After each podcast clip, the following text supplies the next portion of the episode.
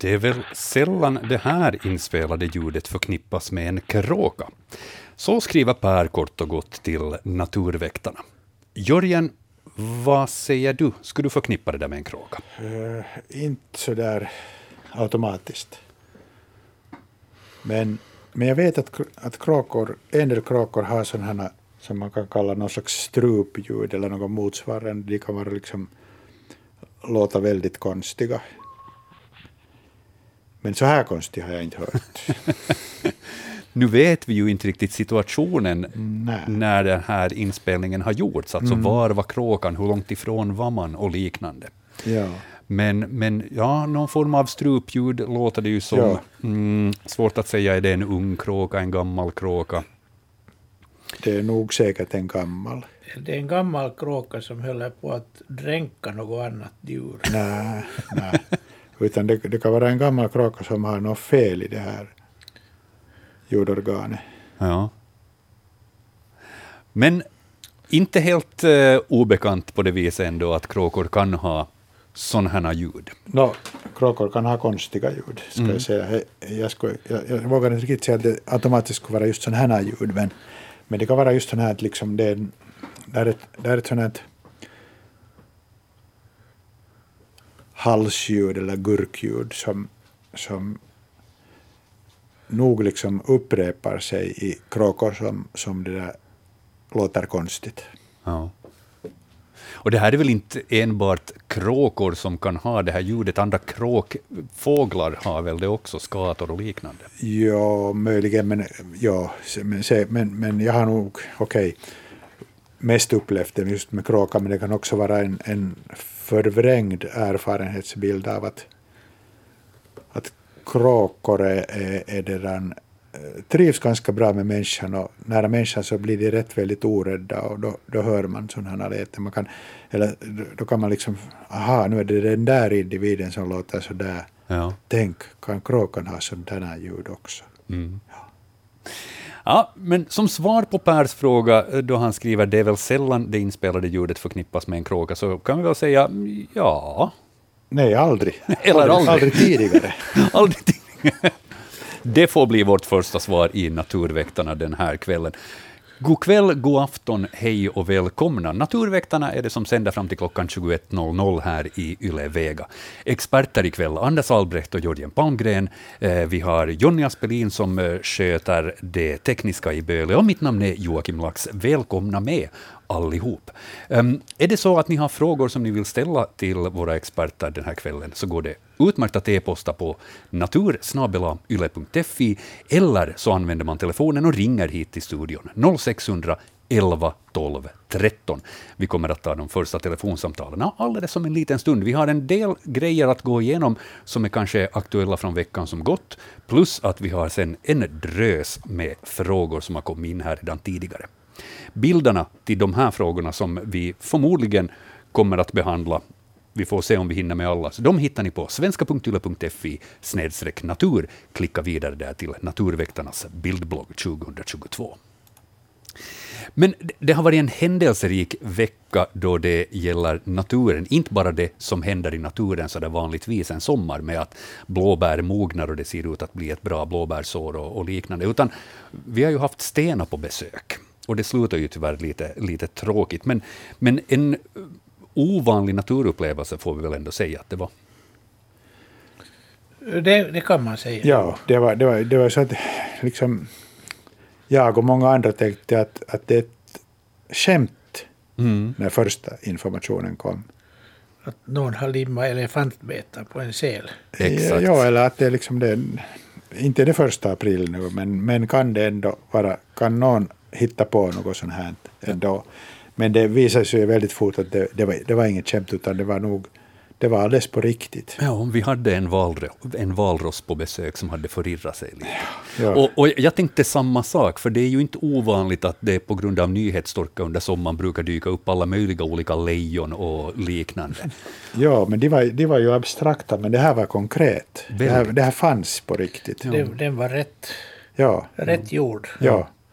Väldigt tråkigt att det sen slutade som det slutade, att den, att den var så pass svag så den inte klarade sig naturligtvis.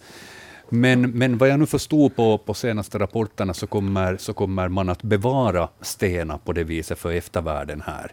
Eh, betar och, och liknande tar man tillvara och kommer eventuellt kanske att till och med stoppa upp henne då, eller, eller något liknande. Ja, så är det planerat. Ja. Och det är ju fint att, att det då istället då kan gynna forskningen. Eh, och sånt. Så att någonting gott i, i den tråkiga eh, historien ändå, som, som slutar på det viset, lite slött. Det skulle varit roligt ifall man skulle ha fått liv i henne igen och, och kunna återbörda henne till, till vattnet och, och, så skulle hon eventuellt ha hittat bort härifrån sen också. Ja, på sätt och vis, men å andra sidan, när man nu har facit i hand så i efterhand så, så, och, och vet att hur svårt det var för en varelse att hitta föda i, i norra eller no- nordöstra Östersjön eller en Ja. del av Östersjöns vikar. S- Finska viken i Fredrikshamnstrakten är ju nästan, vattnet är nästan sött och där finns väl Ja. knappast något blåmusslor till exempel. Eller väldigt lite i Nej, varje det, fall. där, fin, där finns nog av de här damm, dammusslor ja, men det och ja, just det, ja, ja. men förstår den sig på dem? No, det, det är just det som är frågan. Och, och, och det där, på sätt och vis, naturligtvis kunde det ha varit väldigt liksom, roligt där du sa att, att den skulle ha simmat iväg och så, så skulle vi inte ha vetat någonting om den, men det skulle ändå kanske ha varit gått så att den skulle bara ha dött sen Ja. någonstans. Inte hitta Mycket föda. sannolikt, ja. Ja. ja. Så, så på sätt och vis kanske bra då att det slutar så här under någorlunda kontrollerade former. Och som sagt att man kan ha någon nytta av det här. Alldeles. Ja. Ja. Vi får sätta det på, den, Ja. på det kontot och se det goda i det Ja. helt enkelt. Tänka positivt just det. Så är det. Eh, I övrigt, har det hänt någonting annat så speciellt i naturen som, som ni har varit med om? Anders, du har varit på, på lite resa norrut. Jag har varit, jag har varit uppe vid Ishavet i år. Så jag, jag vet inte hur det ska relateras till, till, till oss här nere, vad som Ja. hände där. Men att jag tror inte det var något onormalt. Det var, det var väldigt fint och fick se en massa intressanta både växter och djur.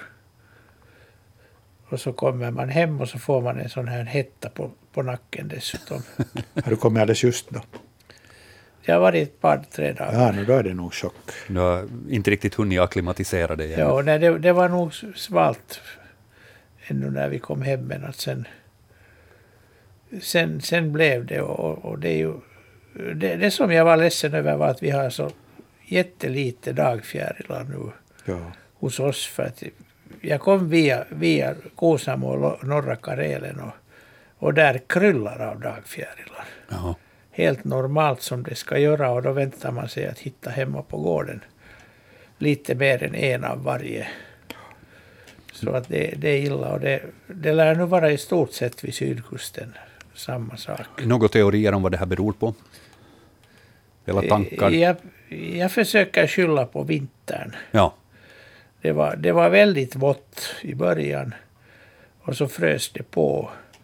Och de som övervintrar nere i marken och i förna, de, de tål minusgrader men de tål inte att frysa in i, i is. Och jag, jag misstänker att det är det som har hänt. Den här värmen som vi har här nu, det är ju inte riktigt den samma extrema värmen som man har på andra håll i Europa, då det verkligen är hett. Men, men hur påverkar det här eh, till exempel fjärilsbeståndet? Det, är- det är okej, de, är, de är aktiva och de är, de är igång förutsatt att det finns fukt tillräckligt. Mm. Och det har ju varit lite torrt, men det har inte varit extremt på något vis. Så man, man ser inte direkt något spår av torkan ännu. Åtminstone inte i vår trädgård. Tack vare några ordentliga skurar med, med vatten. Ja, men det kan finnas, ja, det är sant att det har varit just sådana regn, men det kan då ställvis vara ändå att skuren har gått förbi och så kan det vara Jo. väldigt torrt. Jo, det, fin, det finns, jag har sett Ja, jag har också Sitt- sett i här i. Helsingforstrakten bland annat berg, berg som, som inte har sitt vatten på månader, Ja, verkar det. Ja. Fågellivet är ju lite närmare dig, Jörgen. Hur påverkar den här värmen dem? Det är alldeles neutralt. Ja. Ja. De är väldigt aktiva på morgonen. Sen när värmen kommer på så, så är det som jorden ska sluka allt fågelliv. Vi ska, jag, jag insåg, jag tittar just på klockan och inser att vi borde börja ta itu med frågorna. Vi kanske borde göra det. Eh, och, och jag, en, en fråga här som är, jag tycker är, det här är hur spännande som helst, och jag vet inte om vi har fått sådana här frågor riktigt i Naturväktarna tidigare. Eh, det är den här som, som Nils, fyra år i Nykarleby, har ställt. Dagens fundering. Hur många myggor behövs det för att tömma en vuxen människa på blod? Och hur många mygg behövs det för att tömma en fyraåring? Små knepig, kan man ju säga. Och det är inte någonting som vi ställs inför så där vanligtvis här i Naturväktarna. Ha, eh, ni, Anders och Jörgen, ni, ni hade inte på det viset något desto mera uträkningar på det här? Va? Nej, vi, vi, har inte, vi har inte jobbat nu med, med högre matematik. Men Nej. Men, men jag kan säga att det har jag. Med hjälp av internet så har jag faktiskt ett svar åt Nils. Så, så nu, nu får han spetsa öronen här lite extra noga. Det kan bli lite makabert, det kan bli lite småläskigt, men, men det här är bara teorier. Det här, är, det här fungerar inte i verkligheten på det här viset. Men om vi leker med tanken att en vanlig mygga suger i sig ungefär två till fyra gånger sin egen kroppsvikt. Då talar vi om ungefär 0,003 milliliter blod som en, en mygga suger i sig. Och om vi då tittar på en vuxen människa, då har man ungefär fem liter blod i sig. 5, 5,5 liter. Sådär på ett stort. För att de här myggorna då ska klara av att suga i sig den mängden blod, så behövs det ungefär 1,8 miljoner myggor som suger på en och samma gång blod. Så, så många myggor behövs det för att tömma en vuxen människa på blod, så där rent teoretiskt. Men sen så kan man säga att eh, för en fyraåring så skulle det krävas lite mindre, kanske en och en halv miljon. Men det här, kun, det här kan inte hända, det kan jag säga ändå. För så många myggor får inte plats på en människokropp på en och samma gång. Eh, en vanlig människa har ungefär två kvadratmeter hud på sin kropp. Och för att 1,8 miljoner myggor ska rymmas så behövs det 10 myggor per kvadratcentimeter på hela kroppen. Så, så dels det så har vi som en orsak till varför det här aldrig skulle kunna hända. Och, och sen om man vill bli riktigt makaber så kan vi väl säga att, att vi skulle få enorma problem redan som människa i ett mycket tidigare skede än att alla myggor hinner suga bort all blod. Vi skulle drabbas av eh, hypovolemisk chock och vi skulle ha allergiska reaktioner och allt möjligt sånt. Här. Men rent teoretiskt, 1,8 miljoner myggor, det är ungefär vad som krävs. om, om vi tänker oss att de istället för att suga på en gång skulle ställa sig på kö Ja, och suga en i gången, så hur lång blir den kön då? det är en väldigt bra fråga. Då, då måste vi börja räkna, och hur länge skulle de stå och köa? För jag menar, hur länge suger en mygga blod? När, när man har dem på sig själv så kan det ta oändligt länge. Det kan det. Det det känns så, men det är kanske Jo. ändå inte så hemskt Det är länge. no, men några minuter det kan det vara. ja, om den får jobba riktigt ostört. ja, ja. Så då, då tar vi då 1,8 miljoner, säg att det är per minut. En per minut. Ja, 1,8 miljoner minuter delat med 60. Ja, det- Okej, ja, det, det, här blir, det här blir verkligen hög matematik. Det blir många vintrar. Det blir många vintrar, det blir många år det, och det blir, kön blir väldigt lång. Men det där får vi ta och räkna på till någon annan Sen, gång. sen knuffar de ut varandra dessutom. Dessutom, ja. Dessutom. Så, men vi, vi sådär sammanfattar frågan. 1,8 miljoner mygg, det är ungefär vad som krävs för att eh, tömma en vuxen människa på blod. Så, då har vi svar på den rätt makabra frågan. Eh, intressant fråga som Nils hade ställt i varje fall. Vi tackar för det. Eh, vi fortsätter lite på, på myggfenomen innan vi tittar på bildbloggen. Eh, vi har nämligen en fråga också som undrar eh, vart alla myggor har försvunnit från Västerskog i södra Sibbo. Inte finns här mycket andra flygande insekter heller. Vi upptäckte fenomenet i fjol och i år tycks det fortsätta. Någonting tycks det finnas ändå eftersom blåbären växer och i Sideby i södra Kristinestad finns det av alla sorter mycket, så helt slut i hela landet är de nog inte. Hur lokala är sådana här fenomen, undrar Rambackaborna. De, de kan vara ganska lokala i, här, vid, här vid kusten för att vatt, vattnen är efemära. Mm. Och jag tänker att Västerskog, där är inte mycket sjöar, utan det har varit närmast smältvattenpölar, så det är de här smältvattensmyggorna. Och sen hade vi en, en varm juni, myggorna är aktiva, allt går kvickt, så lägger de ägg. Och så är det slut. Sen finns där inga myggor kvar. För det har inte funnits några vattenpölar att lägga i. Så det har, det har hänt, det, det märkte vi uppe i Lappland också. Det var väldigt lokalt. Vissa myrmarker där det, där det är mycket vatten, så det, det var helt normalt, enorma mängder mygg. Och sen torrare marker så fanns det väldigt lite. Ja. Så att det... I vissa saker gör torkan bra. Och det har, det har en inverkan nog på andra flygande insekter också. Att de behöver vatten och de håller sig. Om det är väldigt torrt och varmt så håller de sig undan och då syns de inte. Men, men det att om du har försvunnit de här myggorna från Västerskog i södra Sibbo, så det betyder ju inte att de inte skulle komma tillbaka till exempel till nästa säsong eller någonting sånt. Det, det, det, jag menar, det måste väl finnas ändå? De, de är ägg nu. Ja. Och de, de är för varje mygghona som har lyckats så är det några, några hundra ägg. Dels kan de ligga i vatten, men dels kan de ligga bara i sänkor i skogen för att kläckas nästa vår. Mm. Och så kommer de på nytt. Så att de har inte försvunnit, de har bara bytt skepnad så att säga. Exakt. Det kan med andra ord bli hur mycket mygg som helst där nästa säsong. Vi ska hoppas. Bra. Nog snackat myggor för tillfället. Vi ska titta på bildbloggen.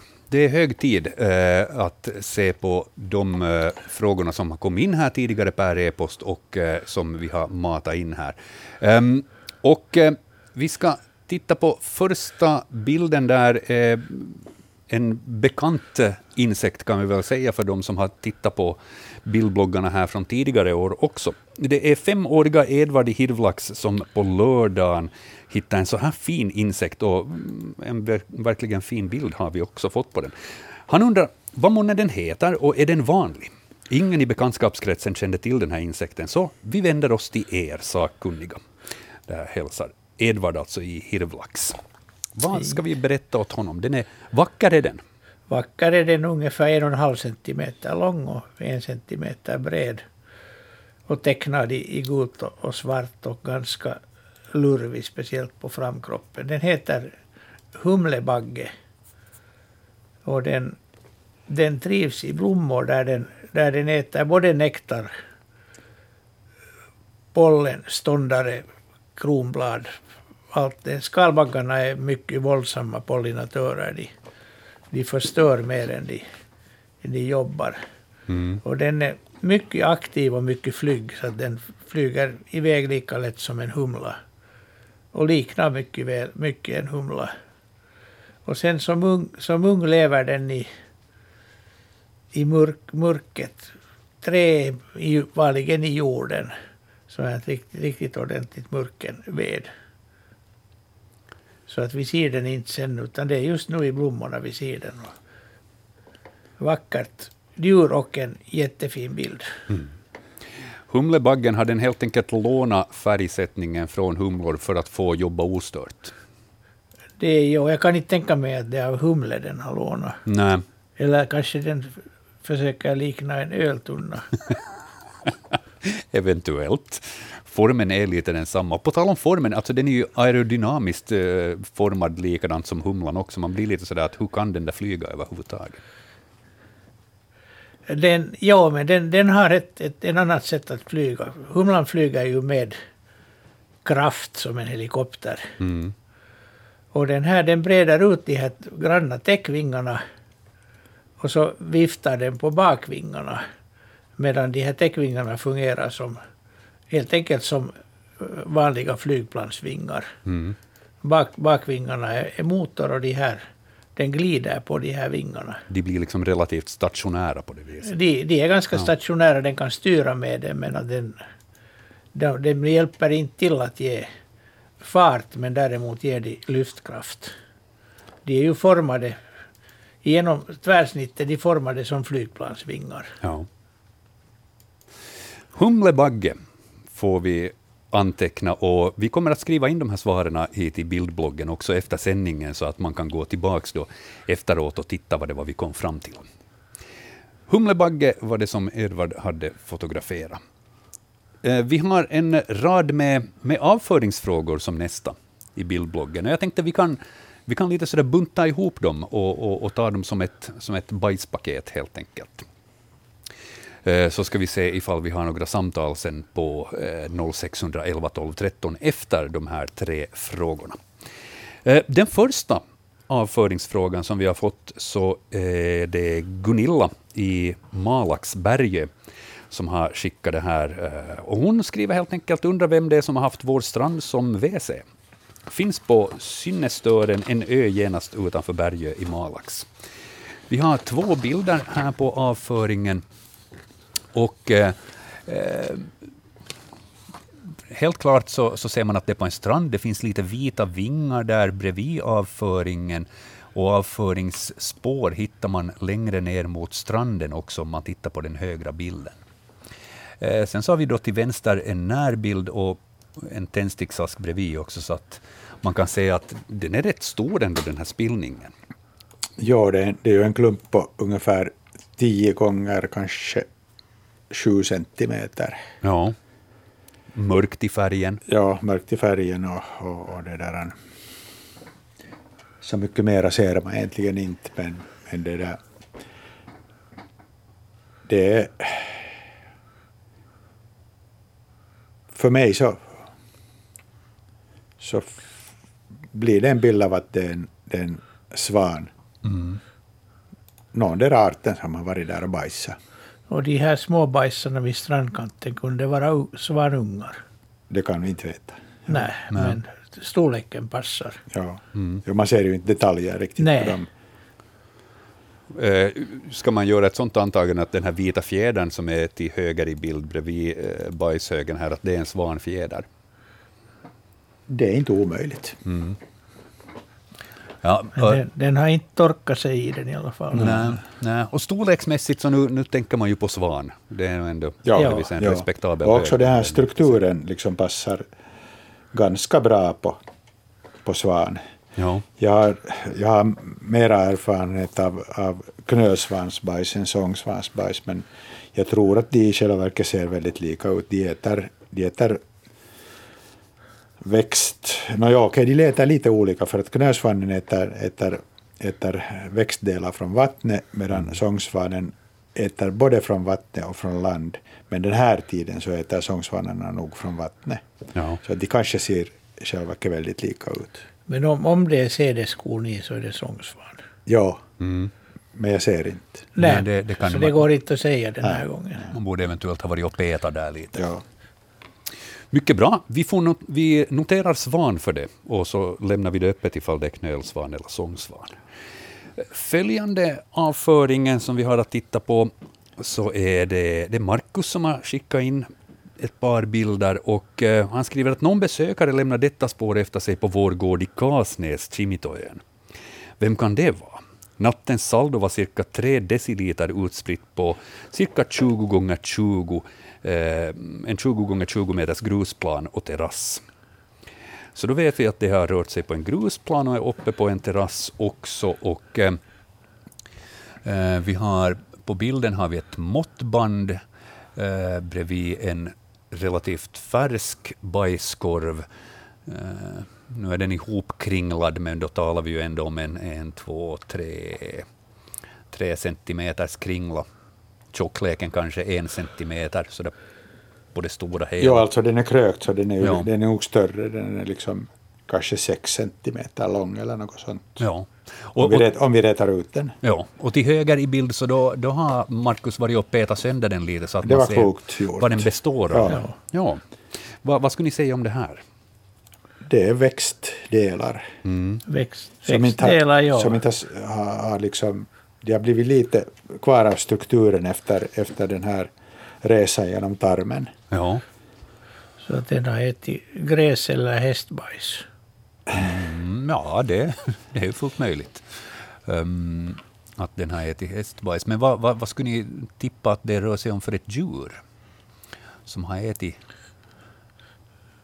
gräs. Om det, om, om det är hästbajs så då kommer jag direkt att tänka på en hund. Men Jo, nej, det är nog, det är nog, Jag det är tror- nog en Jag gräsätare. tror det Anders var ute och skojade lite. ja, det kan hända. Ja. Men det är ju inte skoj, för hundar äter gärna hästbajs. Det gör de. Ja. Och det är inte skoj, kan jag Nej, säga. det är, nej, säkert inte. Säkert inte.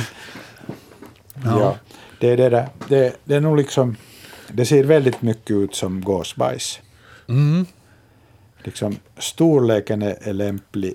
Eh, det här innehållet i den här sönderpetade liksom passar bra. Så, och det att det har varit på natten, det passar också bra. Ja.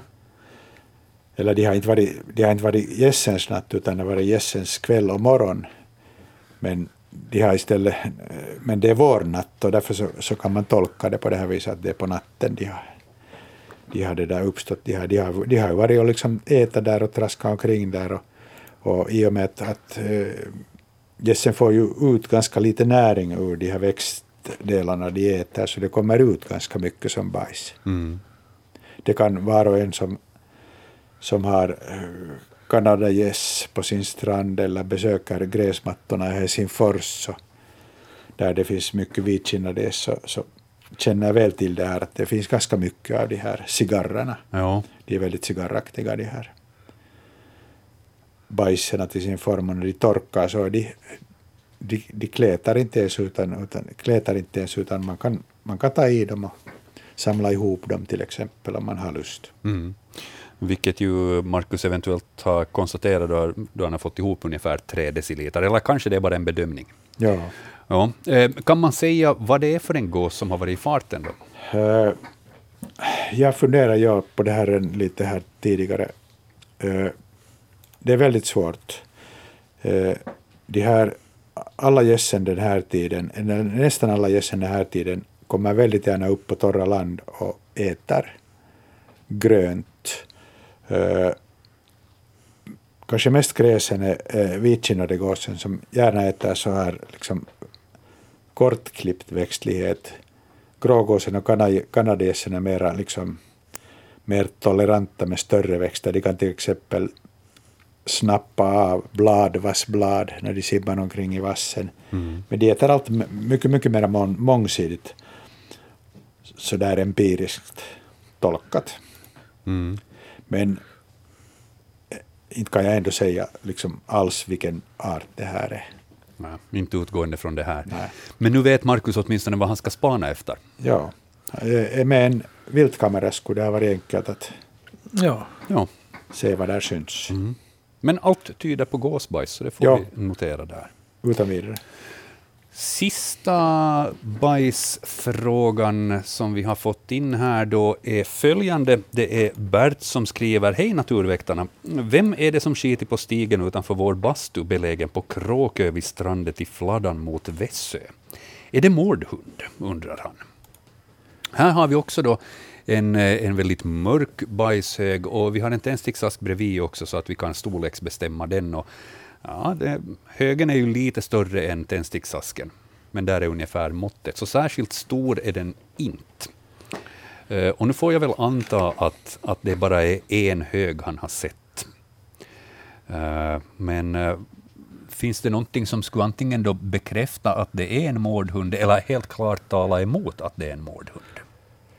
Ja, Det som jag tycker att talar emot mårdhundar att, att det är liksom det, det här bajset är liksom väldigt enhetligt. Det är sån här svart, liksom memmaaktig hela, hela bajshögen. Ja.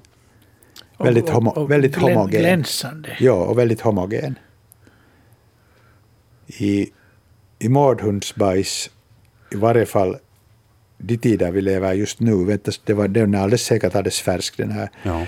lever nu så då äter mårdhundarna redan bär väldigt mycket. Jo, det skulle synas utan Och de, vidare. och de, de, de äter krusbär gärna, de äter vinbär gärna, de äter blåbär gärna. Jag tror att de äter alla bär som de kommer åt. Det gör, ja, det gör de säkert. Ja, nog, ja. rönnbären är inte mogna ännu, men jag tror att de kanske inte äter så.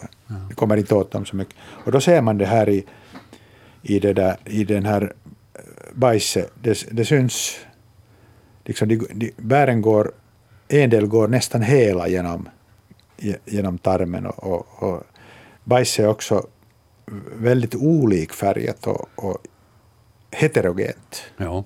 När det är olika, olika, olika bär. Den äter ju annat, annat också. Ja. Så där finns de här bären, så finns det det andra den har, den har ätit och då blir det väldigt, väldigt brokigt det här bajset.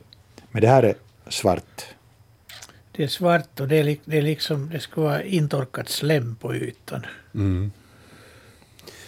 Så, då kan vi, vi kan ganska lugnt stryka mårdhund i varje fall. Jag tycker vi stryker den. Ja, Ja. Men då behöver vi istället fundera, vad kan det vara? Vi har... Va, va, tidigare på säsongen så kan ju, ta till exempel olika klövdjur som älg och liknande, så kan ju lämna efter sig ganska lös avföring. ja. Men, men nu är det ju inte tidigt på säsongen.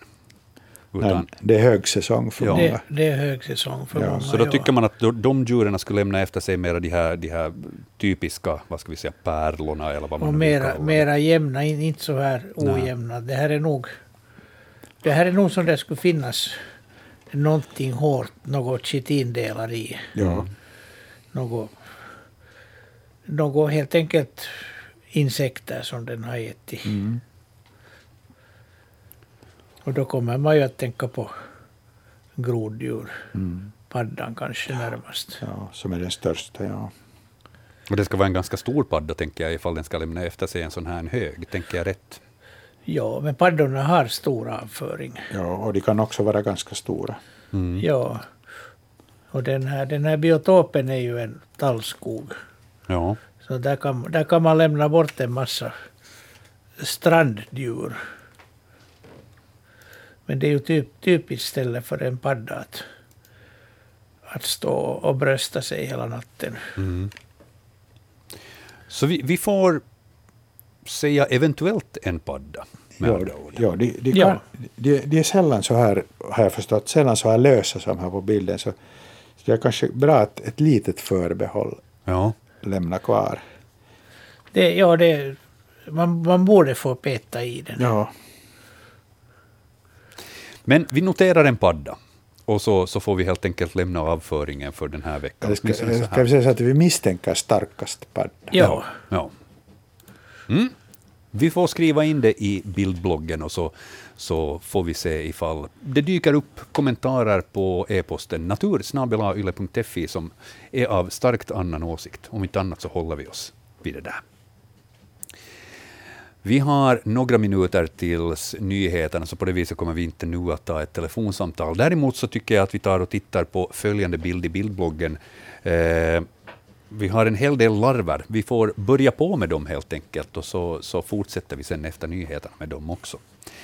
Den här första så är inskickad av Anders från Pargas. Han skriver så här.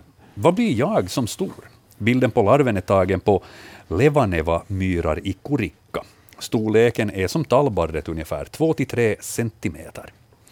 Och eh, det är en liten hårig krabat som i eh, jag skulle väl säga att den är, den är svart med gula ränder, inte gul med svarta ränder.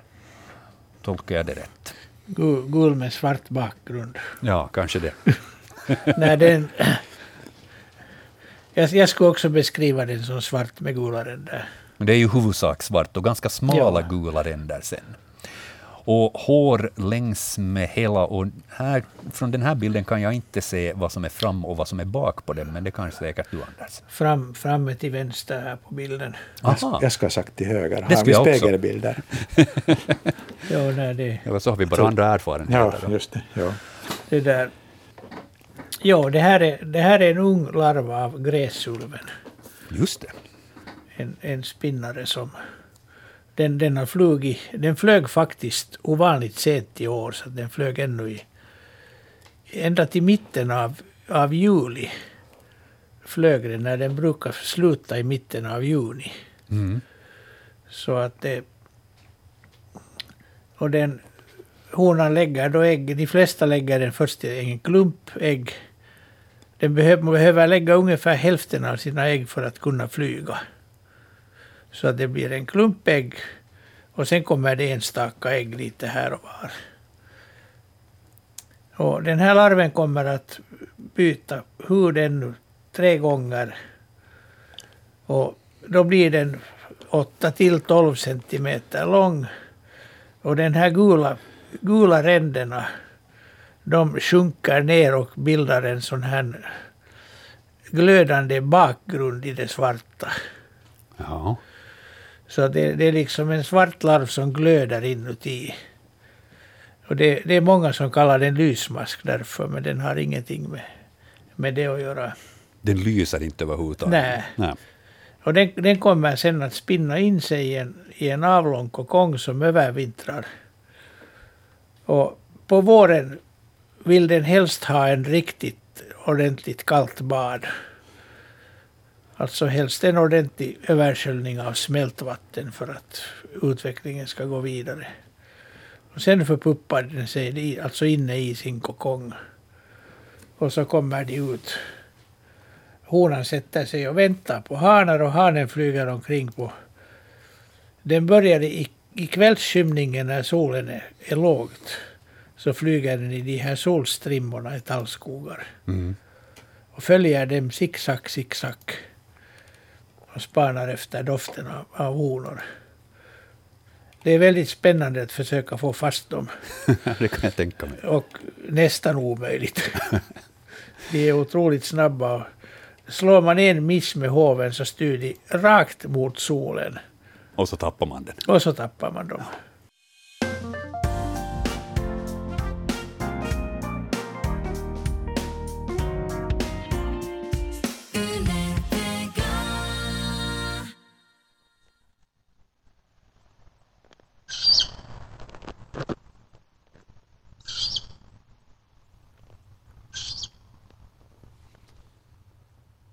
Vem är det som höll oss vakna sent om kvällen i juni? Den syntes inte till, men satt bland gamla träd på vår gård i Kyrkslätt. Det här undrar M och B.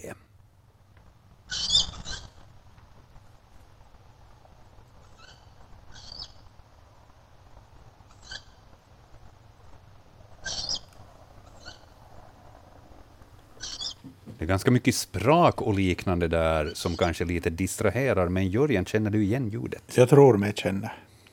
Det duger. Låt Ja, höra. Det låter som kattuggleungar.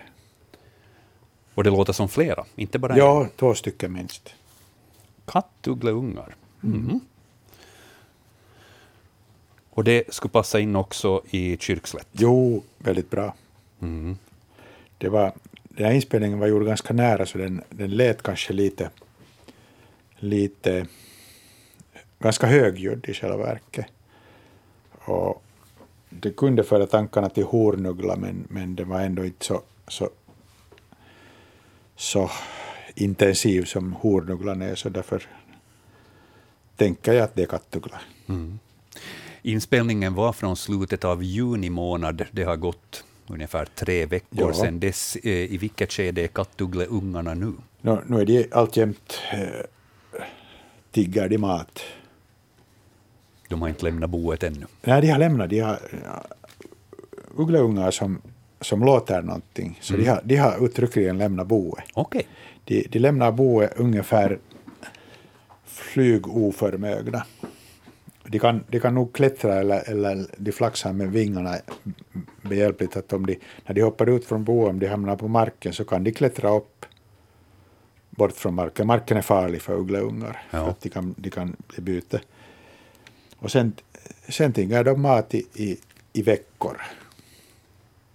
Så de fortsätter antagligen med det här ännu. Ja, vi vet ju inte exakt när de har flugit ut. Att det, det, Ja. det är naturligtvis avgörande för hur, hur länge de ännu, ännu det där ropar. Men, men det där de, de, de matas av föräldrarna efter att har flugit ut ur boet. Två månader. Mm.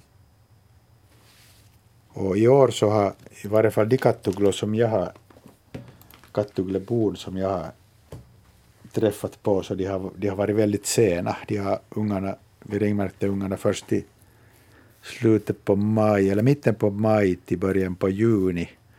Och det betyder att till exempel det här mitten på maj, så de, om de sen då flugit ut en vecka eller en, halv, en och en halv vecka senare så, så de matas ännu till slutet på juli, alltså ännu den här tiden på året. Ja. Medan de här som, som det där fanns i boet ännu i början på juni så de kan vara ännu till mitten på augusti och, och tigga mat av föräldrarna. Så det kan hända att MOB kan få höra det där ljudet flera gånger. Det är möjligt, men det kan, de, kan, de, de är nog sen väldigt benägna att när, när de börjar flyga bättre så, så gör det ju så att, att, att de håller koll på från vilken riktning föräldrarna hämtar mat. Ja. Så de, de drar sig ditåt.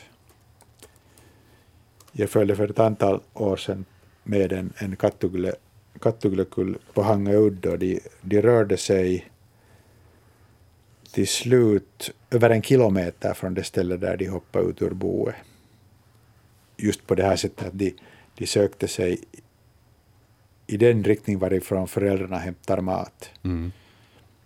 Så de hamnade sen då till slut i en, i en, i en tallskog där det inte fanns annat än andra träd än tallar och, och de var väldigt låg, lågväxta. Ja. Men det var ändå inte liksom någon tallplantering utan det var nog en, en riktig skog med stammar och sånt. Och antagligen fanns det då smågnagare i det partiet av skogen där föräldrarna jagade. ja.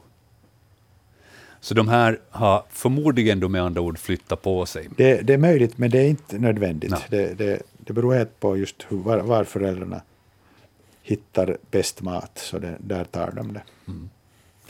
Kattuggleungar får vi notera där. Tack MOB för det, den ljudfrågan. Det är alltid roligt när det kommer in ljudfrågor. Fortsätt, eh, fortsätt att skicka in det på natursnabelayle.fi. Vi har en mängd frågor kvar ännu som vi ska försöka hinna besvara. Eh, och vi ser naturligtvis också fram emot telefonsamtal 0611 12 13. Men just nu ingen på tråden, så vi tittar helt enkelt på följande larvfråga i bildbloggen som finns på svenska.yle.fi natur. Ehm, vi är framme vid bild nummer sex där och eh, det är Johanna i Pedersöre som skriver så här. Hej, den här larven hittar jag i en rabarber runt midsommar. Undrar vad det är för en larv? Har inte hittat larver tidigare i rabarber. Verkar inte spela någon roll för den att rabarbern är så sur, då den duger som föda. Ehm, vi har ett par bilder på bildbloggen. Det fanns fler som Johanna hade skickat in, men jag satt in två stycken, för jag tänkte att de här kanske räcker för att man ska kunna klura ut vad det är. Vi har ett måttband också där som lite åtminstone hjälper till att bestämma storleken. Särskilt stor är inte den här larven. Eh, Men hur stor? Vi får göra en liten gissning. En centimeter kanske? är en och en halv nästan. Ja. Men i alla fall den är inte, inte så jättestor. Och det, det vi inte ser heller att den är ganska hård och styv. Mhm. Inte, inte så där mjuk utan den har en ganska hård, hård, hård, hård hud och, och glänsande. Och det är en, det är en knäppalarv. Form, formen är alldeles typisk. Men det är inte så vanligt med sådana här randiga knäppalarver. Och den här ränder som dessutom har vå- vågig bakkant.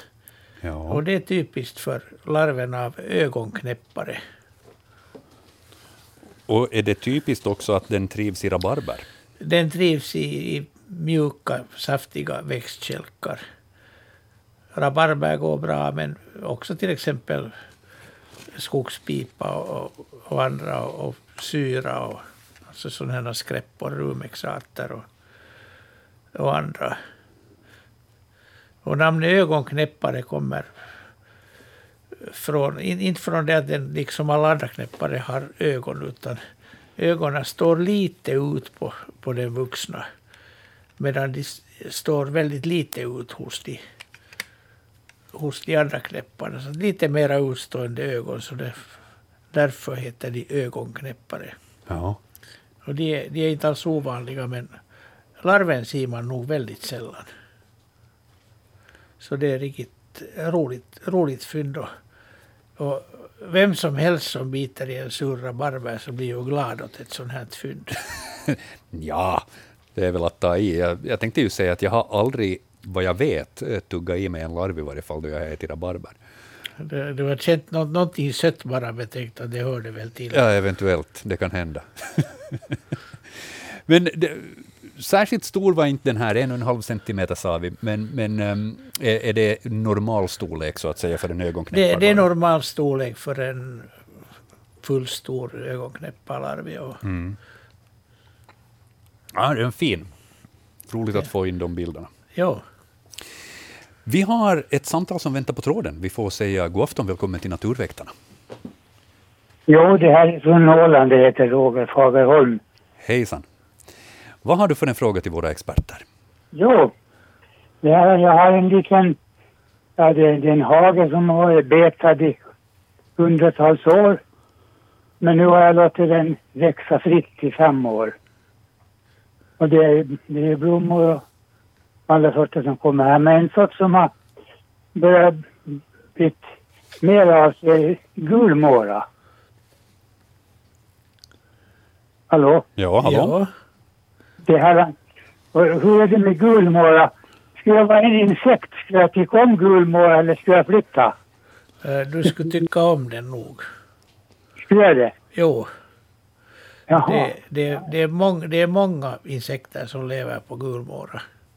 Så? Av, av alla slag också. Bland annat, bland annat eh, tre arter av svärmare av de här allra vackraste nattfjärilarna.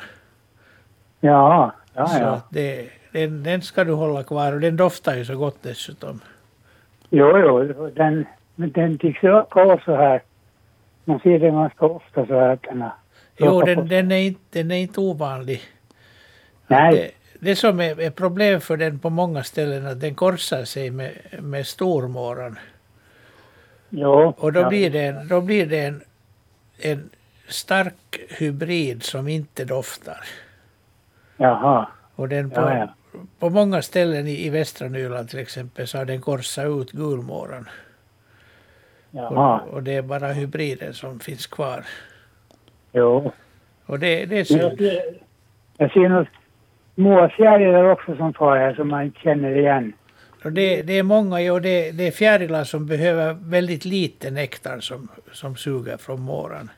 Och därför är det Jaha. väldigt mycket småfjärilar och, och metare och, och små dagfjärilar, blåvingar och Jo, jo, guldvingar. jo, jo. Jo, jo, jo, jo. Det är det, ja just det. Ja, men det var roligt det här då att jag gör någonting för insekternas mångfald. Jo, det, det är fint. Det, det är fint. Ja. Ja. Fler vildvuxna hagar vill vi ha. Jo, absolut, absolut. Vad, vad Det är händer? det är här- fint tycker jag. Det var, var, det, var det inte så att den har varit fem år nu, fått växa vilt? Jo. Vad händer sen? Jag frågar liksom här också av Anders, vad händer sen i framtiden med den?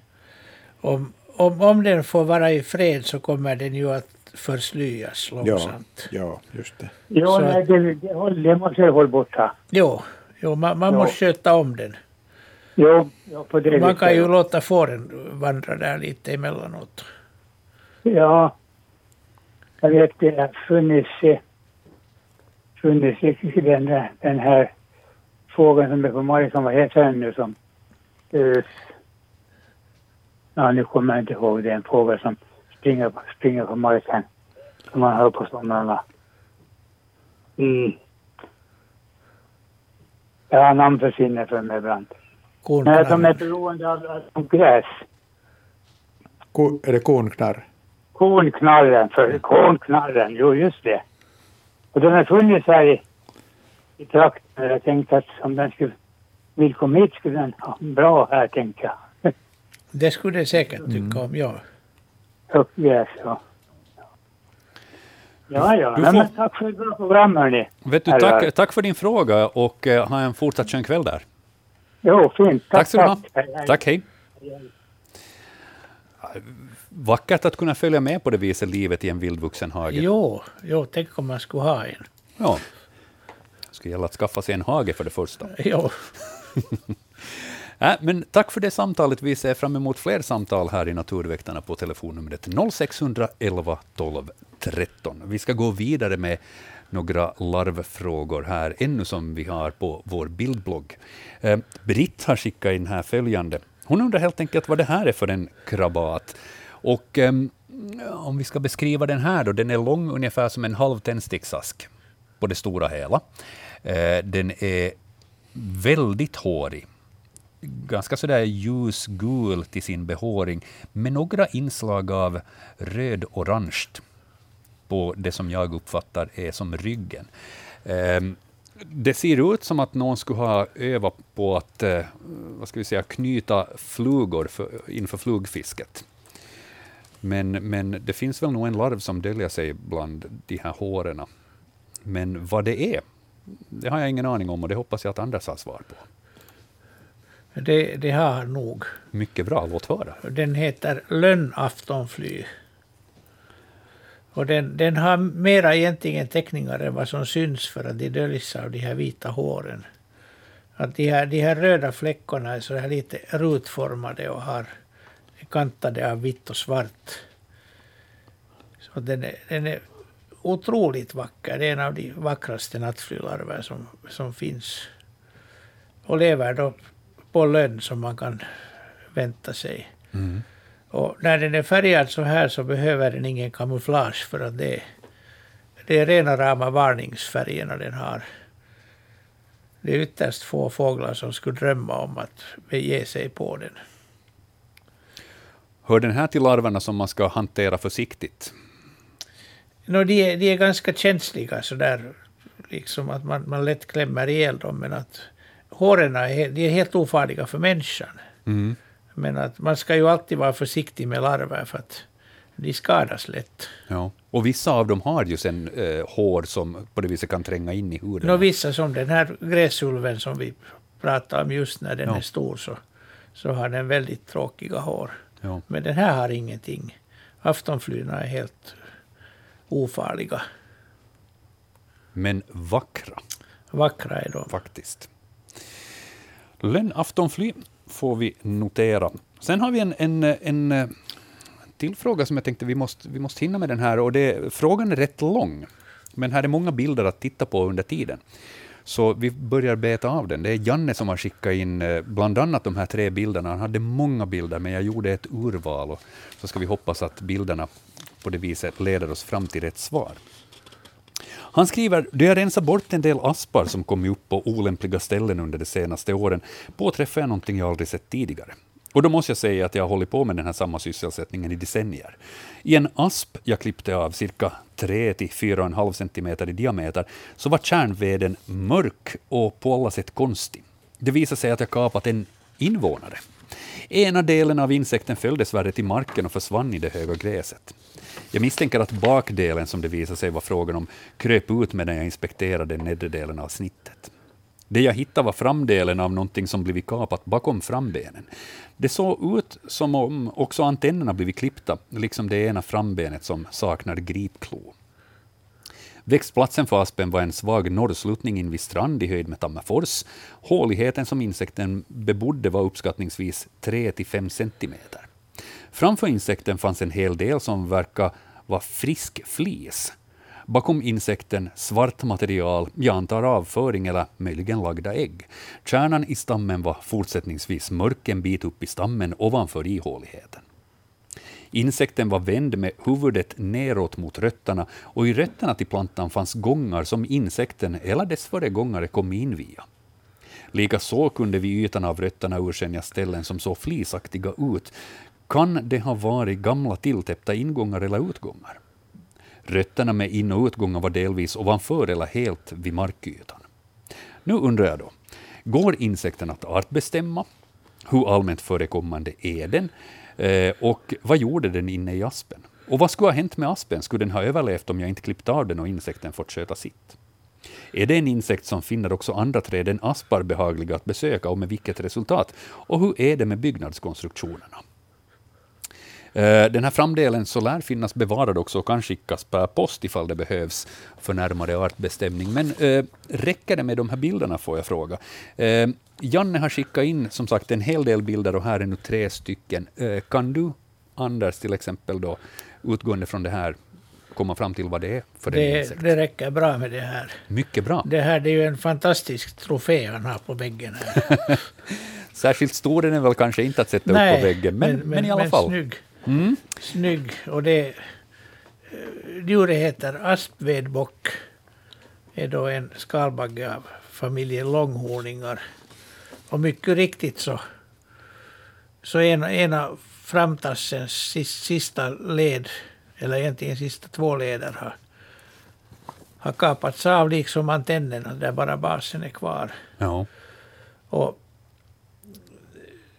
liv, livscykeln går till så att den honan lägger ägg vid, vid basen av aspar. Och larverna kryper in. Gärna tar de gamla hål om det finns, men att finns det inte så äter de egna hål. Och så äter larven av den här märgen och, och veden tills den är vuxen. Och så förpuppar den sig inne i stammen. Och så kläcks, kläcks puppan och baggen kommer ut. De brukar vanligen göra, göra färdiga början till hål, att de gnagar ett hål som går nästan ut i barken. Att det är bara ett smag hinna av ytterbarken kvar. Som den här baggen snabbt gnagar sig ut genom. Och de går då gärna i, i aspar där det har funnits tidigare så att de en, en larv tar inte livet av en asp, men småningom så tar de ofta livet själv. Och, och kännetecken på att det är just den här och, och inte till exempel en, en poppelglasvinge är just den här, det här fliset, de här av, avlånga fliset som, som den gnagar. Att glasvingarna gör, gör sådana här runda korn. Mm. Och om man tittar högre upp på asparna på sommaren så kan man ofta hitta sådana runda, drygt centimeter stora hål som är väldigt fransiga i kanten. Och det är den vuxna baggen som äter, äter asplöv. Och den äter då från mitten och den, den river, man ser med de här käkarna att, den, att om den äter från en bladkant så blir det ganska ojämnt och, och rivigt. Ja. Så att det, asp, aspvedbocken är mycket vanlig. Man ser den ganska ofta så här på dagarna och, på aspar. Men framförallt så om man rör sig ute på nätterna så ser man, för då, den flyger på natten. Just det. Och har man lampor så kommer den dit. Och, och vill, vill man så tar man i den och så sjunger den för en. Den har en sån här gnisslande, mycket hörbar sång. Och man ska akta sig för de här käkarna för att de, de är kapabla att äta i frisk aspved så de, är- de är nog ka- kapabla att äta i frisk fingerhud också. De ger nog ett ordentligt nyp då. Det är ett ordentligt nyp så att blodet strittar. Ja. Eh, Han undrar ju här, Janne, ifall den skulle ge sig på andra träd också. Poppel, det, det är släktet Populus som Ja. den, den lever på, men inte på någonting annat. Just det. Jag, tror, jag försökte gå igenom här listan på hans frågor. Jag tror vi fick alla besvarade. Och det var bra det. Ja. Och det som vi kan konstatera är att, att vi behöver inte få den där inskickad per post, för, för den gick att ta att bestämma så här. Tack vare en väldigt bra beskrivning och, och bra fotografier, så tack för det Janne. Ja, ja den, den passar mycket bra på väggen i vardagsrummet. Ja. Kanske det är värt att lägga upp en sån. Ja, Det låter ju som ett ganska farligt vilt i och med att den har så där starka... starka den, eh, den är mycket, mycket värre än någon älg eller hjort. Åtminstone sett i storleken. Ja, Ja. Bra. Aspvedbock noterar vi för den. Eh, vi, vi har ju alltså så många frågor, men vi har en till som, som kanske lite påminner om det här. Vi, vi ska återkomma till den. Vi tar ett telefonsamtal här eh, före det. Vi säger god afton, välkommen till Naturväktarna. God afton, det här är Harriet. Och jag ringer för att för två år sedan så hjälpte ni mig med att bli av med minkar. Och nu ringer jag för att det där min, en av mina väninnor har en ilsken fladdermus, eller ska vi säga aktiv fladdermus i sitt hus. Och hon har nu försökt bli av med den på alla konster. Eh, Men hon kan inte ha dörrarna öppna på natten för att hon har så många husdjur. Men vad kan man göra? Hur kan man lura den? Och hur länge klarar den sig utan mat? Mm.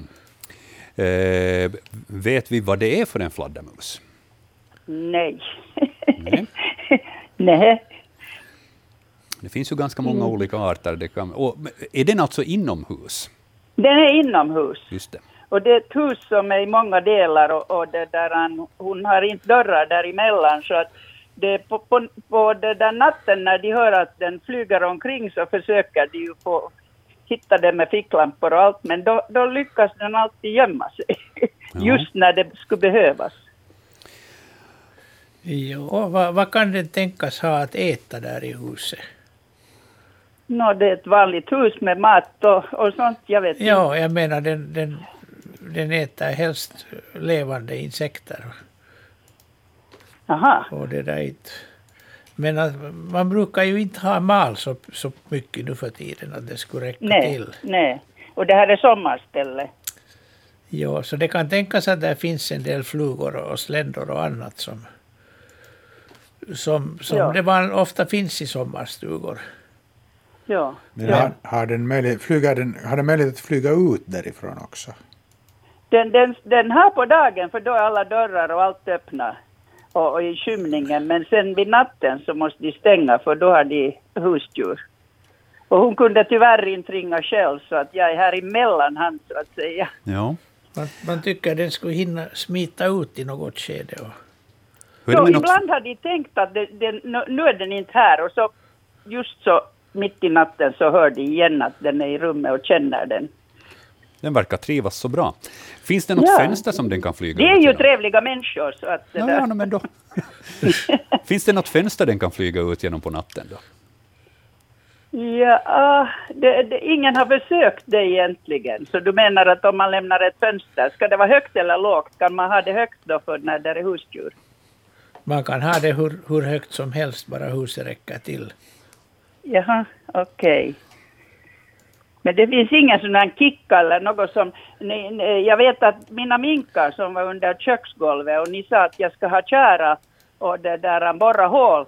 Och jag skaffade borr och jag hade kära och så försvann de. Så de måste lyssna på er. Ja, så då, då, då borde man få den här fladdermusen då att lyssna på Naturväktarna och bara helt Ja, enkelt förstå att absolut, flytta absolut. ut. Tänker du? Ja, Det, det är nog svårt att hitta på något, något sätt att att locka. locka den. Ja, för en av mina andra väninnor som har ett litet hus hade också en fladdermus, men den, den eh, hängde i hennes gardinstång, så hon tog ett stort ämbar och, och fick den infast, uh, tjasade i det och förde ut den. Eh, men, det där, eh, men det tycks vara aktiva fladdermöss nu. De vill vara, månne någon annan har samma problem kanske och kanske jag hittar en lösning. Ja. Ehm, Frågar jag av alla åhörare. Ja. Alltså, ifall någon har ett tips på hur man kan locka en fladdermus, så hör av er på natursnabelayle.fi. Men jag tänker nu, hur skulle det vara att helt enkelt försöka varsamt få in den med en fjärilshov eller någonting sånt då den flyger? Om inte den hittar själv ut genom ett fönster, vad säger experterna om det? Det, Men jag, skadar jag, man inte vingarna då eller vad heter Det kan, ja. det kan hända, ja. jag, jag har försökt fånga flygande fladdermöss och du är skicklig. inne och jag, jag är ganska van med att hantera Ja, hov. ja Och de är ännu vanare än jag. just det. Att väja. Att väja, jo det, det, det, det går det inte. lönar sig inte att bjuda dig på nattkaffe. Absolut inte. Hur det där, Ja. Jag kommer inte ihåg, att, hur länge har den varit där? Är det, är det veckor? Den, eller? den, den har nu varit där eh, sedan midsommar. No, är det veckor då? Det är Jo, nog- den- det är den- nog den väldigt måste- den ha en ja, väg den må- ut. Ja, den måste ha en, en rutt ut. Och, och, hur- Det, det kan inte leva så nej. länge på, på Hur vad det finns hur, hur får man reda på den rutten? Det är ju den som man skulle kunna täppa till, men då borde man vara säker på att det inte har ungar där inne. Ja, Det är just man, det. man kan inte täppa Ja. till nu den här Men, tiden. ja, men alltså, det skulle naturligtvis viktigt att, att, att komma underfund med vilken rutt den kommer in så kan man täppa till det sen när hösten är här. ja. Ja, okej. Eh, eventuellt hur är det att försöka lokalisera var den så att säga tillbringar sin tid inomhus eh, dagtid. Helt enkelt bara leta i alla skrymslen och vrån med ficklampa och sen med eh, lämpliga handskar eventuellt kanske flytta på den, för man ska nog inte hantera den utan handskar. Den här familjen består av fyra fullvuxna och tre barn och jag tror att de alla var aktiva. Ja, Ja. Nästan desperata. Att hitta den. Den, den, om, om den har ungar så hörs det. Ja. Ja, nej, det, sånt, sånt har inte ännu hörts. Men du menar att snart, eller ni menar att snart kan det också gälla? Nå, vi, vi hoppas, för då får, då får ni reda på var den finns. ja. Ja. Men vad kan man sen göra? Nej, man kan ju inte störa den när den har ungar. Det får man inte. Nej, Nej. men då, då kan Nej. ni komma underfund med var, var den kommer den in är. och, och sen Ja, täppa ja. till när den har farit för, för hösten. Ja. Ja, just det, just det. Okej. ja, det skulle, Nå, Jag vet inte, har man, har man någon chans här om man har tillgång till värmekamera? Har man chans att, att liksom hitta den med den? är det inte Eh, ganska det kan man Man, man, man kan nog med... För att nej, de, har, de har nog en alldeles liksom bussig temperatur så den, den syns nog väldigt bra. Det, det finns sån, sån här värme, vär, värmemätare också som man, Ja, som man använder för att checka test, tätheten av hus. Ja. just. Som man, Ja, bara, bara ja. siktar mot. Och då ser man genast om där är någon Något kallare nå eller, eller läckage, varmare ja, punkt. läckage. Ja. Ja. Aha. Okej. Nå, men ni har nog några fina förslag, åt- vet ni. Men, det där, men jag hade hoppats att ni hade någon sån där trollerikonst. ja. Vi, vi kan nog försöka men jag tror inte det lyckas. Det ska vara någon vi shaman ska- eller någonting sånt. Ja. Vi ska följa er tråd. Alltså jag har eh, också haft i mitt lilla liv där, hängde de där. Men de såg så vackra ut så de, och de störde inte mig alls. Så att det störde inte mig. Men, det där, men, men de var lätta att se. Men det här, det här är lite svårare. När man bara känner mitt i natten att det är någonting som flyger. Ja. Och inte kan det ju vara något annat än, än, än det där fladdermöss heller. Då, inte, inte Knappast. skulle man nu tro. Ja, inte, ja. inte. Man, kan ju, man kan ju också liksom, om det besvärar, mig, mig skulle det i varje fall besvära väldigt mycket att jag borde få veta vilken art det är. Jo, mig, mig också. Och, det finns, det finns sådana här eh, detektorer som man kan spela in det här lätet som fladdermössorna har, lätena som fladdermössorna har och från det här lätets eh, bild så kan man bestämma arten. Aha, så att om de får nu ett, ett ljud så då kan vi återkomma till er och då kan ni säga arten. Hjälper Eh, det sen att bli av med den?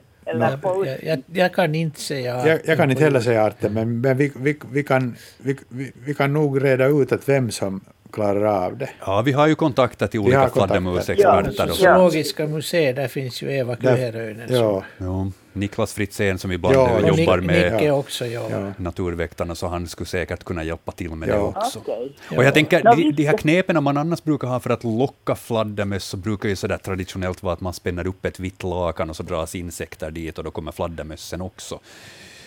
Kunde man eventuellt tänka sig ett vitt lakan utanför och sen öppnar man fönstren och ser vad som händer? Jaha. Vad tror våra experter Jag, om jag, det? jag tror man måste skriva rätt trollformel på det. Ja, det kan hända. Det kan hända. Nåja. Hördu, eh, Harriet, du får gärna hålla oss uppdaterade med mm, vad ni kommer fram till där och ifall ni har någon Ja, framgång. ja, kanske någon annan har samma problem. Eller ka- som tidigare nämndes, kanske någon har löst det här problemet och kan skriva till er. Ja, eller inte se det som ett problem överhuvudtaget. Ja, ja, Vi får följa också. med. Hör gärna av dig. Just det. Tack. Tack Ja, för ditt samtal. Ha en skön kväll. Tack. Tack, Hej, hej då. hej. Hej. Hej. Ja, ja, lite knepigt. Lite knepigt. Och, och nu Det- kan jag väl förstå i och för sig, om inte man är jätteintresserad och begeistrad av, av fladdermöss eh, i närheten, så, så kanske man vill ha ut ja och, så huset. flyger, och flyger på natten så Ja. att det liksom, man har en aning om dem, men man har inte liksom koll Man på vet vad inte som... var de är. Nej. Ja. Ja. Eh, Vi får se ifall Harriet eller hennes eh, väninna hör av sig. Så kanske vi har en lösning på det där någon gång i framtiden. Eh, Vi hade fler larvfrågor som vi skulle titta på. Eh, Vi har Sven som skriver så här. Hej, vad är det jag hittade i veden? Jag gjorde ved av granar som jag fällt på grund av att det angripits av granbarkborren. Det var fråga om välmående träd som förra sommaren hade väldigt mycket kottar. Det var döda i toppen, men resten av trädet mådde bra. Det här fanns i övre delen av stammen under det området som hade dött. Det var i mitten av stammen på cirka 10 meters höjd. Hade gjort långa gångar i stammen och insekten visar mycket svaga livstecken. Vad kan det vara, undrar Sven, och så har han skickat några bilder här. Eh, jag har satt in två stycken av dem. Det är bild nummer nio i bildbloggen. Ehm, det rör ju sig nog om, om samma insekt, men kanske då i, i olika stadier, helt enkelt.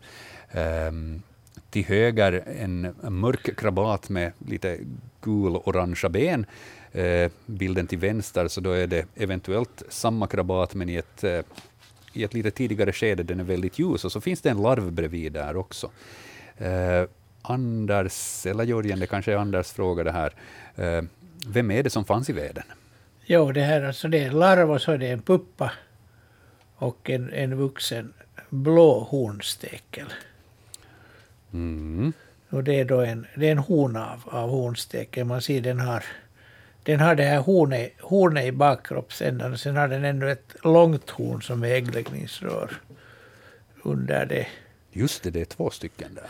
Och den, den lägger ägg i skadade ställen av, av granar. Det, det kan vara något ställe där det finns, eh, finns hästmyror eller, eller röta eller, eller hackspettar har hackat hål eller någonting. Och det, det är de här terpenerna från färsk ved som drar den dit. Vill, vill man se mycket hornsteklar så då ska man hugga ner sin skog. Då kommer de dit. i mängd. Men sen är man utan skog efter det. Men det, är, eh, det är inte alltså den här blåa hornsteken som, som har gjort så att eh, trädet på det viset mådde dåligt. Nej, de, de, de brukar normalt inte göra någonting. Ja. de, de kan leva i flera år i, i trädet, men de förökar sig inte där. Mm. Och, och de, de kommer inte att... Det, det händer ganska ofta att de bakas in i, i stockhus och i, och i, i stugor. Och sen kan de leva där i stockarna i några år och sen plötsligt så blir det ett hål i, i sovrumsväggen och så kommer det ut en sån här blå kravat, krabat. Eller en stor hornstekel som är mycket större och, gul och svart. Men att det är inte något desto värre än det. Precis. Så att, men det var ju roligt att få alla, alla stadier. Och, och här ser vi ju hur en så kallad fripuppa ser ut. Mm. Att fjärilspupporna har ju inte fri, utan den här har då ben och antenner fria ving, vinganlagen också, inte, inte liksom in, inbakade i ett skal. Och de här pupporna är ganska känsliga, att man ska handskas försiktigt med dem. Ja. Roligt. Blå hornstekel skriver vi in i bildbloggen här efter sändningen. Eh, följande bild, Eh, så där måste vi säga att, att känsliga lyssnare får vi varna för dem. Har ni redan klickat på den så då är det naturligtvis för sent. Eh, det är eh, Peik som skriver en grönaktig prickig orm påträffades överkörd på Hamnsundsvägen i Saltvik 29 juni. Eh, vår fundering är, nyligen, är, det, är om det är en nyligen ömsad hasselsnokshona. I beskrivningarna nämns ofta att, att hasselsnoken har prickar i två rader. I det här fallet är det flera rader. Är det här en hasselsnok? Undrar de. Och hasselsnok den finns ju inte i hela landet. Ja, men det här är ju på Åland. Exakt. Så Ja. därför så tänkte jag att, att det kunde ju vara det. Men vad är det? Korta svaret är nej. Det är inte. Nej, Eller jo, det är en snok. Det är en snok, just men det. inte, inte en hasselsnok. Nej, Nej. inte en hasselsnok. Den, den, upp, eh, alltså, den, den uppvisar ju inte de här, vad ska vi säga, väldigt tydliga gula markeringarna som en snok ibland har. Nej, de är ljusgula. Ja, de Eller är, grågula eller, eller Ja, gul och grå de, de kan kanske. till och med vara mörkgrå. Ja, det kan vara. Jo, det kan Mm. vara. Ja, det, men i övrigt så, så visar den Men ju man- tydliga tecken på det som annars en snok brukar ha om man tittar på huvudets pansar och, och liknande. ja, där är tre, tre stycken plattor mellan, stora plattor mellan ögonen. Man ser till och med pupillens form som är rund. Men det är det väl hos hasselsnoken också. Det är det hos den Ja, också. men Ja. den här är också, hasselsnoken är brun. Den här är ju inte brun. Nej. Utan den här är någonting grå, grå, blågrå eller blå, blågrå kanske. gröngrå eller vad är det? Det är svårt att veta med, med färgbalansen ja, ofta. ja, just det. Och väldigt prickig är den. Ja, den är Ja. prickig den här. Ja. Men snok, kort och gott, får vi notera för den. Eh, vi har en till eh, fråga som behandlar lite samma ämne och jag misstänker ju att vi, no, den, den, är, den är på det viset klarare, upplever jag. Eh, det är Bjarne som undrar, är det här en snok? Jag hittade den under en plåt som blåste omkull i gräset. Eh, platsen var Tenala, 16 juli. Och eh, den här uppvisar ju de här klarare, vad ska vi säga, mer gula markeringarna bakom huvudet. Ja, men det, fotot är ju väldigt bra. Man ser också de här nämnda plattorna mellan ögonen som är stora. Och sen ser man en smal lång stjärt också hos den här. Men den här har inte på samma sätt de här prickarna på kroppen. Nej, som, men den har en, man, man, man kan liksom tolka det så att den har en zigzag-teckning på ryggen. Ja, lite. Som huggormar annars Ja. brukar ha. Och, och tittar man nära, nära på den zigzag-teckningen så ser man de där prickarna också där i. Alldeles. Just det. Ja, de är där. Ja. Ja, men eh, entydigt en snok. Ja, väldigt prak, praktfullt exemplar. Mm, det är det. det. Det är svårt att säga hur lång den är. Den ser inte särskilt stor ut om man tittar på de här gräsbladen och sånt som är runt omkring. Men i och för sig om man skulle sträcka på den, nu är den ihopringlad här, så då kanske den ändå skulle bli en rätt stor snok. Svårt att säga från det där fotografiet. lätt, lätt blir den en 80-90 centimeter. Ja. Ja. Ja. ja, men som sagt, snok eh, utan tvivel där.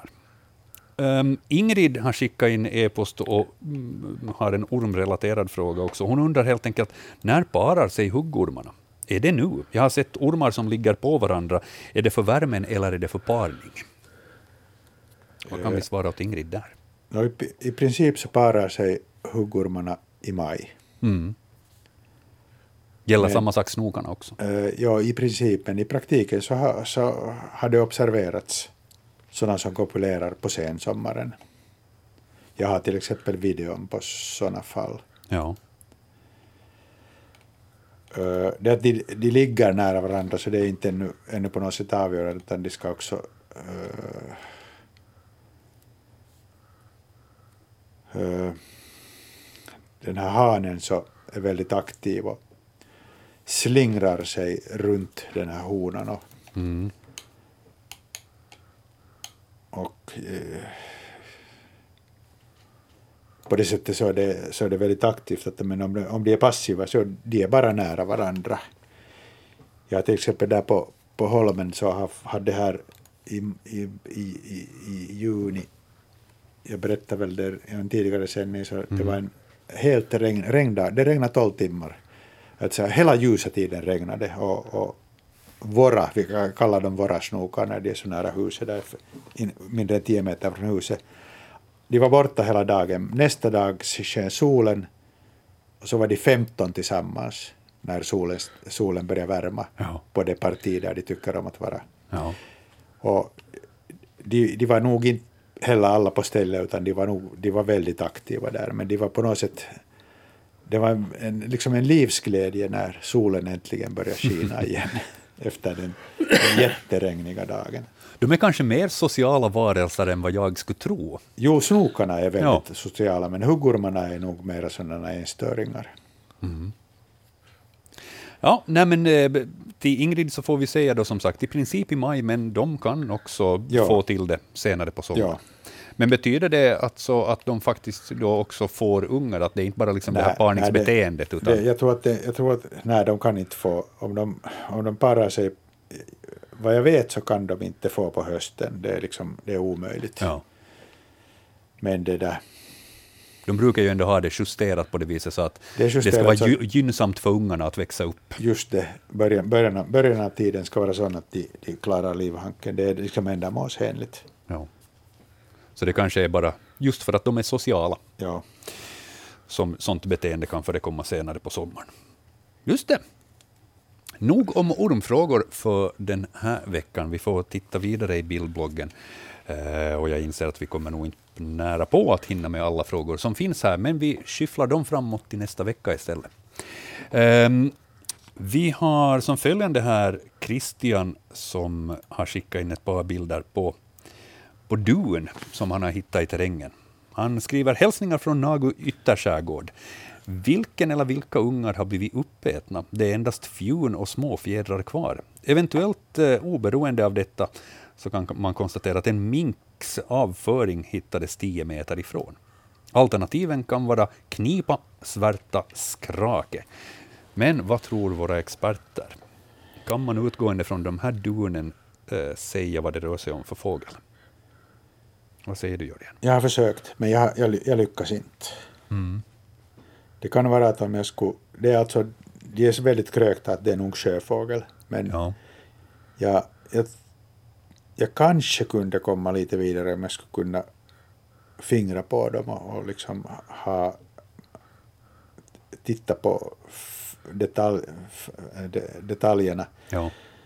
och, och, och kanske kunna komma vidare men, men det där, jag hittar inte ens nu den här gången på, på sådana sidor där det finns uh, fjädrar och dun så hittar jag inte något lämpligt men det beror på att, att sjö, för sjöfåglars del så finns det väldigt lite material där det finns sådana kroppsfjädrar, det är kroppsfjädrar det gäller. ja. Och det kan inte heller vara några riktigt små ungar om det är ungar för att de har inte sån här, så här tydliga tydligt fjädrar utan de är mera fluffiga de, det material som lossar från dem. Så det här med knipa, svärta eller skrake, det kan vara vem som helst av dem eller någon annan? Ja, Ja. klokt sagt. Då får vi notera det eh, där för Christians fråga och istället titta vidare på följande eh, fjäderfråga. Det är Peter som skriver Något dag under våren flög en större fågel mot ett fönster på skogsstugan i västra Nyland. Den yttre rutan krossades, men den inre höll. Fågeln klarade sig tydligen, för den var försvunnen, men dessa fjun fanns på marken. Vem var i farten, undrar han. Och bild nummer 13 i bildbloggen så visar alltså ja, ett tiotal små fjädrar, eh, eller dun. Kan man utgående från de här då säga vem det är som, som krockar med fönstret? Ja, det går att säga. Här finns ju det där, här finns alltså flesta av de här dunerna, kroppsfjädrarna, så är sådana att de har, de har mörka tvärband, diffusa mörka tvärband nära spetsen och sen då det som är emellan de här ska vi säga medelbruna eller mörkare bruna banden så har en sån här lite sån där gulbrun nyans. Sen finns här en fjäder som är som den, den del av basen som man ser så är så här gulbrun eller, eller ljusbrun och sen finns det ett mörkare brunt subterminalband på den här fjädern. Den, den är den som är längst uppe till vänster. Och en vit spets. Den här är, den här är väldigt kännsprak. Jaha. Sen de, de, de som var väldigt förbryllande var de här som var här längst till höger, två stycken. Det är liksom spetsar av fjädrar. eh, som, spetsen är vit, så är det ett brett mörkbrunt band och så är basen vit. De här tänkte jag inte alls först fatta, men sen när jag hittade på att titta på en, en samling järpfjädrar så blev det klart. Det var inte Anders som föreslog att jag ska titta det och då, det var järpe. Just det. Men det är, det är inte säkert att den har klarat sig, för jag tycker att de här, alla, alla, alla, alla lite större fjädrar som finns här, kroppsfjädrar, så är avbrutna, eller avbitna. Jag tänker på de här, de här eh, vit, brun, vita som är här till höger och sen den här som är här uppe till vänster.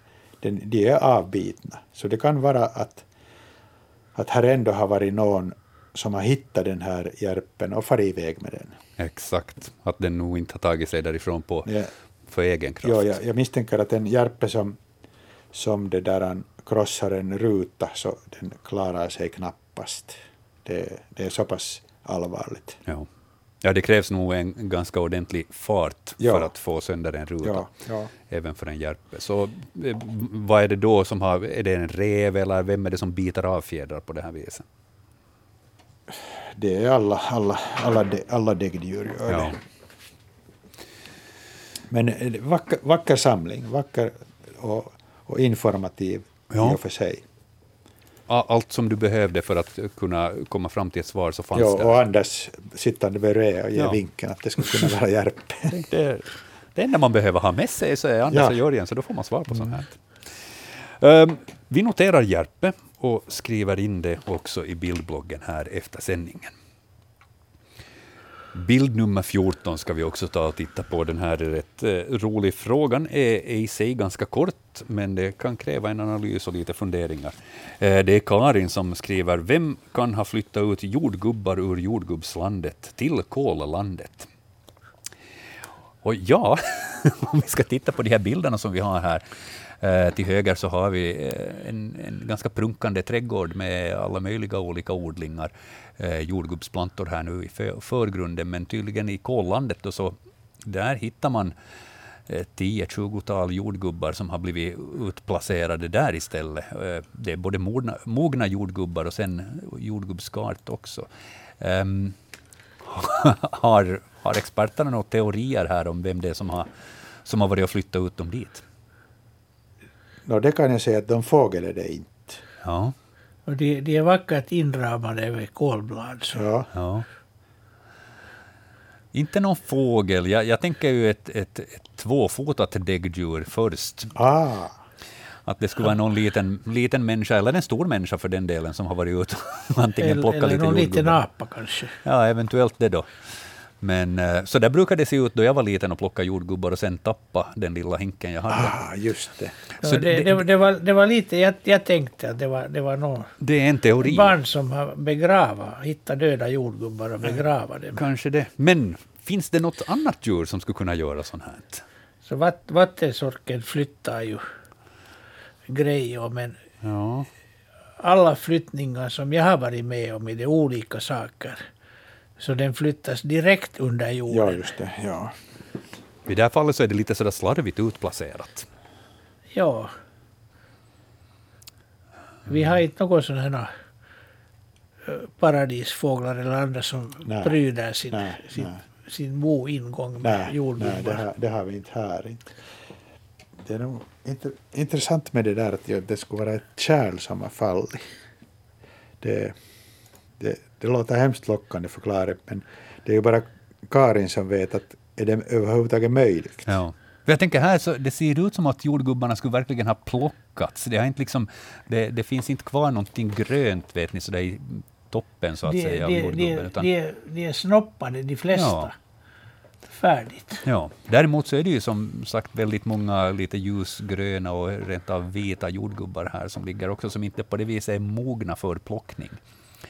Men ehm, det är bara min teori att det eventuellt skulle vara någon liten tvåbent krabat som, har, som eventuellt tappar dem. Eh, Men om, om inte ni tror att det är på det viset någon vattensork eller någonting sånt, så då, då kanske det här lämnas som ett frågetecken. Ja, jag, jag, jag håller nog inte, inte på sork för det. Mm. Där finns, Den, den gör inte så här. nej, inte jag heller sett. Där finns en, en, det där, en sån här... eh, när man plockar jordgubbar, jord, jord, jord, jordgubbar så plockar man ju en liten skälk med. Mm. Och så bryter man bort de här kro- kronblads... Fod, foderblad. Ja, foderblad. Ja. Här finns en sån här på den här Just det. Jo, där är en, en som inte snoppar. Ja. Ja. Så att det där... Men det, det bevisar egentligen Nej, ingenting. ingenting. Men det, det är på något sätt lockande att tänka att det, det just bevisar att det skulle vara en tvåfotad varelse. Ja, eventuellt.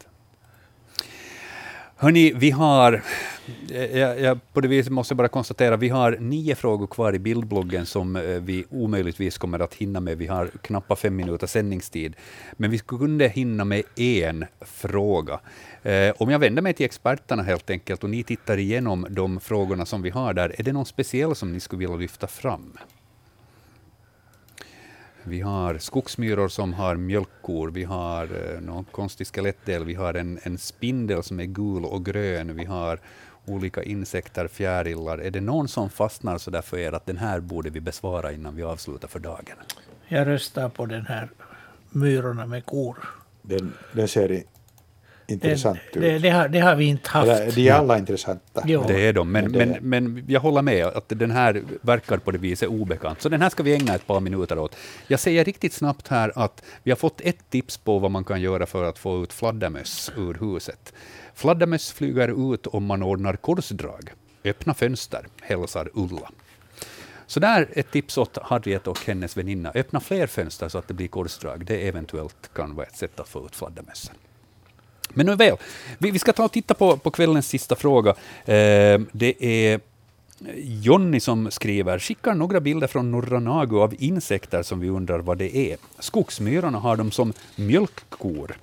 Eh, de är på en ung gran, väntar ivrigt på svar. En bild tog jag av de här två som Jonny hade skickat in. Vad kan vi berätta om det här så där på två minuter? Ja, där är, där är svarta djur, stora och små. Och det, är, det är en av våra största bladlöss som heter Sinara pike. Den har inget svenskt namn. Och så är här två hästmyror som håller på och mjölkar, tre stycken Här faktiskt. uppe till vänster är en. Ja, Ja, jo, där Tre mitt, mitt i bilden är en. Mm. Jo, där nere finns en. Baken ser man på en häst. ja. Ja, Men i, Ja, i alla fall, finns också en. Där finns också... det är då ja. det blir fyra då. Ja. Ja, men i alla fall så de här... De här... När, när myran berör hår i bakkroppen så då avger de honungsdag, det vill säga det är deras avföring som består mest av rester av vatten och socker. Som de har då tagit, va- ti- tagit vara på aminosyror och, och proteiner. Och det här är kanske, kanske den bladlus som har den största biomassan i Finland, men man vet inte om den för den är specialiserad på att leva i grantoppar. Så man ser den inte så hemskt Och det ofta. kan finnas kilovis uppe i en grantopp. Ja.